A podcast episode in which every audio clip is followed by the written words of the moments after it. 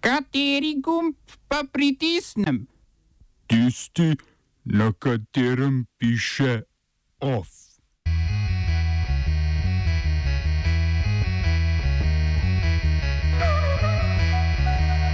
V Veliki Britaniji vse bliže novi preložitvi Brexita.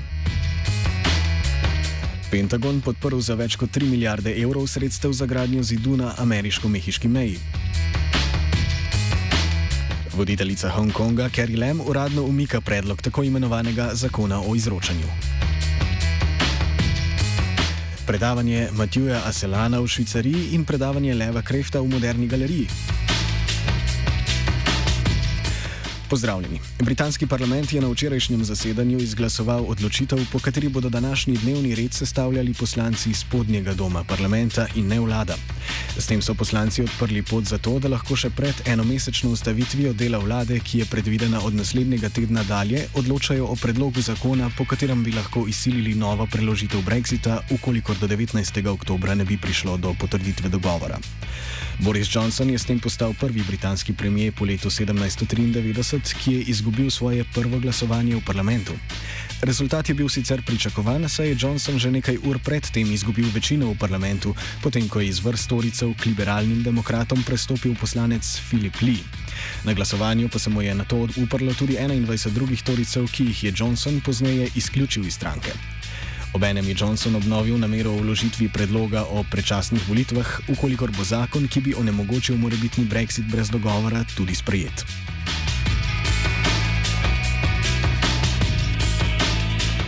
Podporniki italijanske stranke Gibanje petih zvest so v spletnem glasovanju z 79 odstotno večino podprli vstop stranke v koalicijo z demokratsko stranko, ki bi jo vodil trenutni premijer Giuseppe Conte. Z nastankom nove koalicije se bo Italija izognila novim predčasnim volitvam, v katere bi sicer vodil razpad prejšnje koalicije Salvinija Voligo. Conte naj bi svoj kabinet predsedniku države Sergio Mattarelli predstavil danes.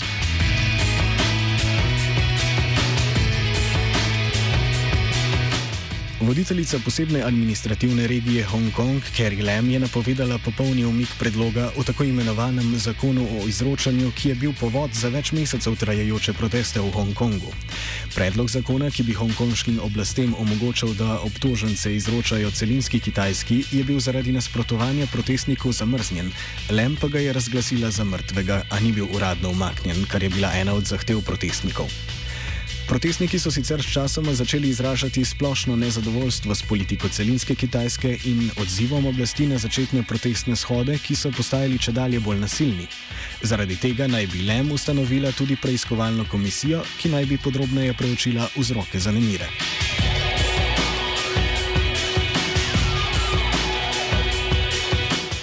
Ameriški minister za obrambo Mark Esper je odobril prerasporeditev več kot 3 milijard evrov iz različnih virov, ki so sedaj namenjeni gradni zidu na meji z Mehiko. Denar je bil sicer namenjen 127 projektom gradnje in posodobitve vojaških objektov v Združenih državah in tujini, a so po mnenju Pentagona do sredstev zaradi nacionalnih izrednih razmer bolj upravičeni projekti na južni meji, ki bodo tako v podporo vojaškim silam, ki mejo že varujejo. Spomnimo, da je izredne razmere na meji z Mehiko februarja letos razglasil predsednik Donald Trump, potem ko ameriški kongres ni odobril sredstev za gradnjo zidu, sicer eno njegovih glavnih predvolilnih obljub.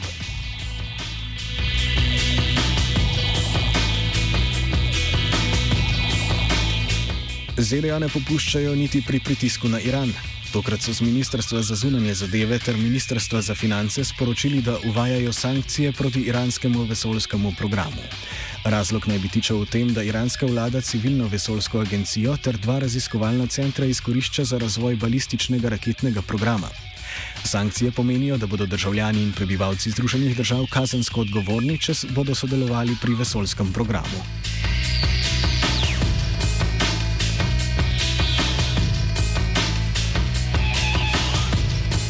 Pritisk na Iran se pod Trumpom stopnjuje vse od enostranske prekinitve mednarodnega jedrskega sporazuma, zaradi česar so tudi v Iranu nehali spoštovati nekatere obveze iz sporazuma.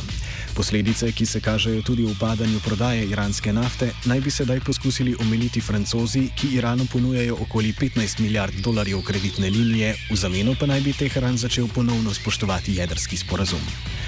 Uspešnost predloga, ki ga iranske oblasti, sodeč po besedah namestnika iranskega zunanjega ministra Abasa Rakčija, podpirajo, je sicer odvisna tudi od Združenih držav Amerike, ki sporazum lahko blokirajo. Oba, če, če bom odgovoril na angliški. Slovenija will try to help.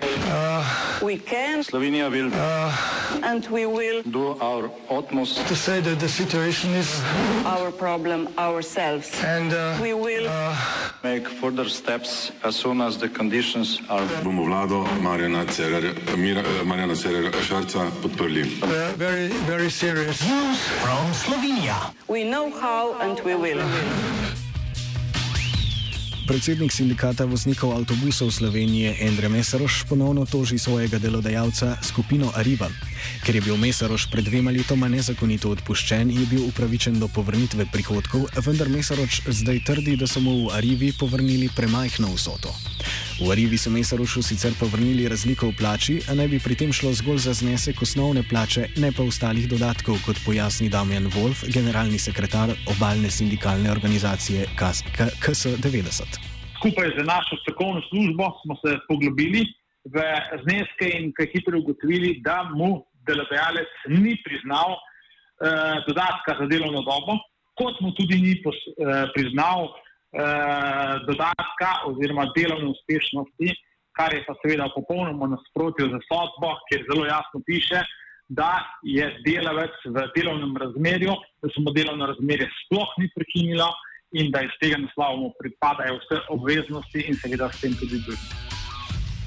Wolf opozarja, da je težava v tem, da sodišče nejasno določa vsoto, ki jo morajo delodajalci vrniti. In tukaj bi apelirali na državo, da se dejansko spremeni delovna pravna zakonodaja, oziroma da začnejo tudi delovna sodišča so- razsojati tako, da bodo dali delodajalcem oziroma tistim, ki kršijo delovno pravno zakonodajo, čim manjši, čim ožji manevrski prostor. To pomeni, da bi v sodbi že zelo jasno navedli, koliko de- denarja mora eh, eh, delodajalec delavcu izplačati, in če bi dejansko v sodbi ta zadeva bila tudi tako napisana, potem tudi delavcem, v tem primeru eh, predsedniku sindikata voznikov avtobusov Slovenije, ne bi bilo potrebe iti v nobeno tožbo. Koordinacijska skupina stanovalcev poslovno-stanovanskega objekta Situla, zgrajenega leta 2013 v neposrednji bližini glavne železniške postaje, naj bi po poročanju dnevnika pripravljala tožbo proti slovenskim železnicam zaradi prekomernega hrupa in onesnaženja, ki naj, mi, ki naj bi jima bili podvržen, podvrženi stanovalci. Obenem so se v skupini obrnili tudi na varuha za človekove pravice. Skupina naj bi prst operila v dotrajno infrastrukturo slovenskih železnic, ki povzroča hrup in onesnaženje, pa tudi na delavce slovenskih železnic, ki, citiramo, opravljajo ob malo potrebo kadarkoli in kjerkoli, konec citata, in se, še enkrat citiramo, nespodobno spolno vedejo. Konec citata. Za prekomeren hrup krivijo tudi strojevodje, ki naj bi po nepotrebnem hupali drug drugemu. Ali lahko skupina stanovalcev iztrži kakšen znesek, je za zdaj dvomljivo. Kot prav tako poroča Dnevnik, naj bi bilo v dokumentih iz let 2009 in 2011 navedeno, da investitor ali njegov pravni naslednik od slovenskih železnic ne moreta zahtevati ukrepov proti hrupne zaščite ali iz tega razloga terjati kakšne koli odškodnine.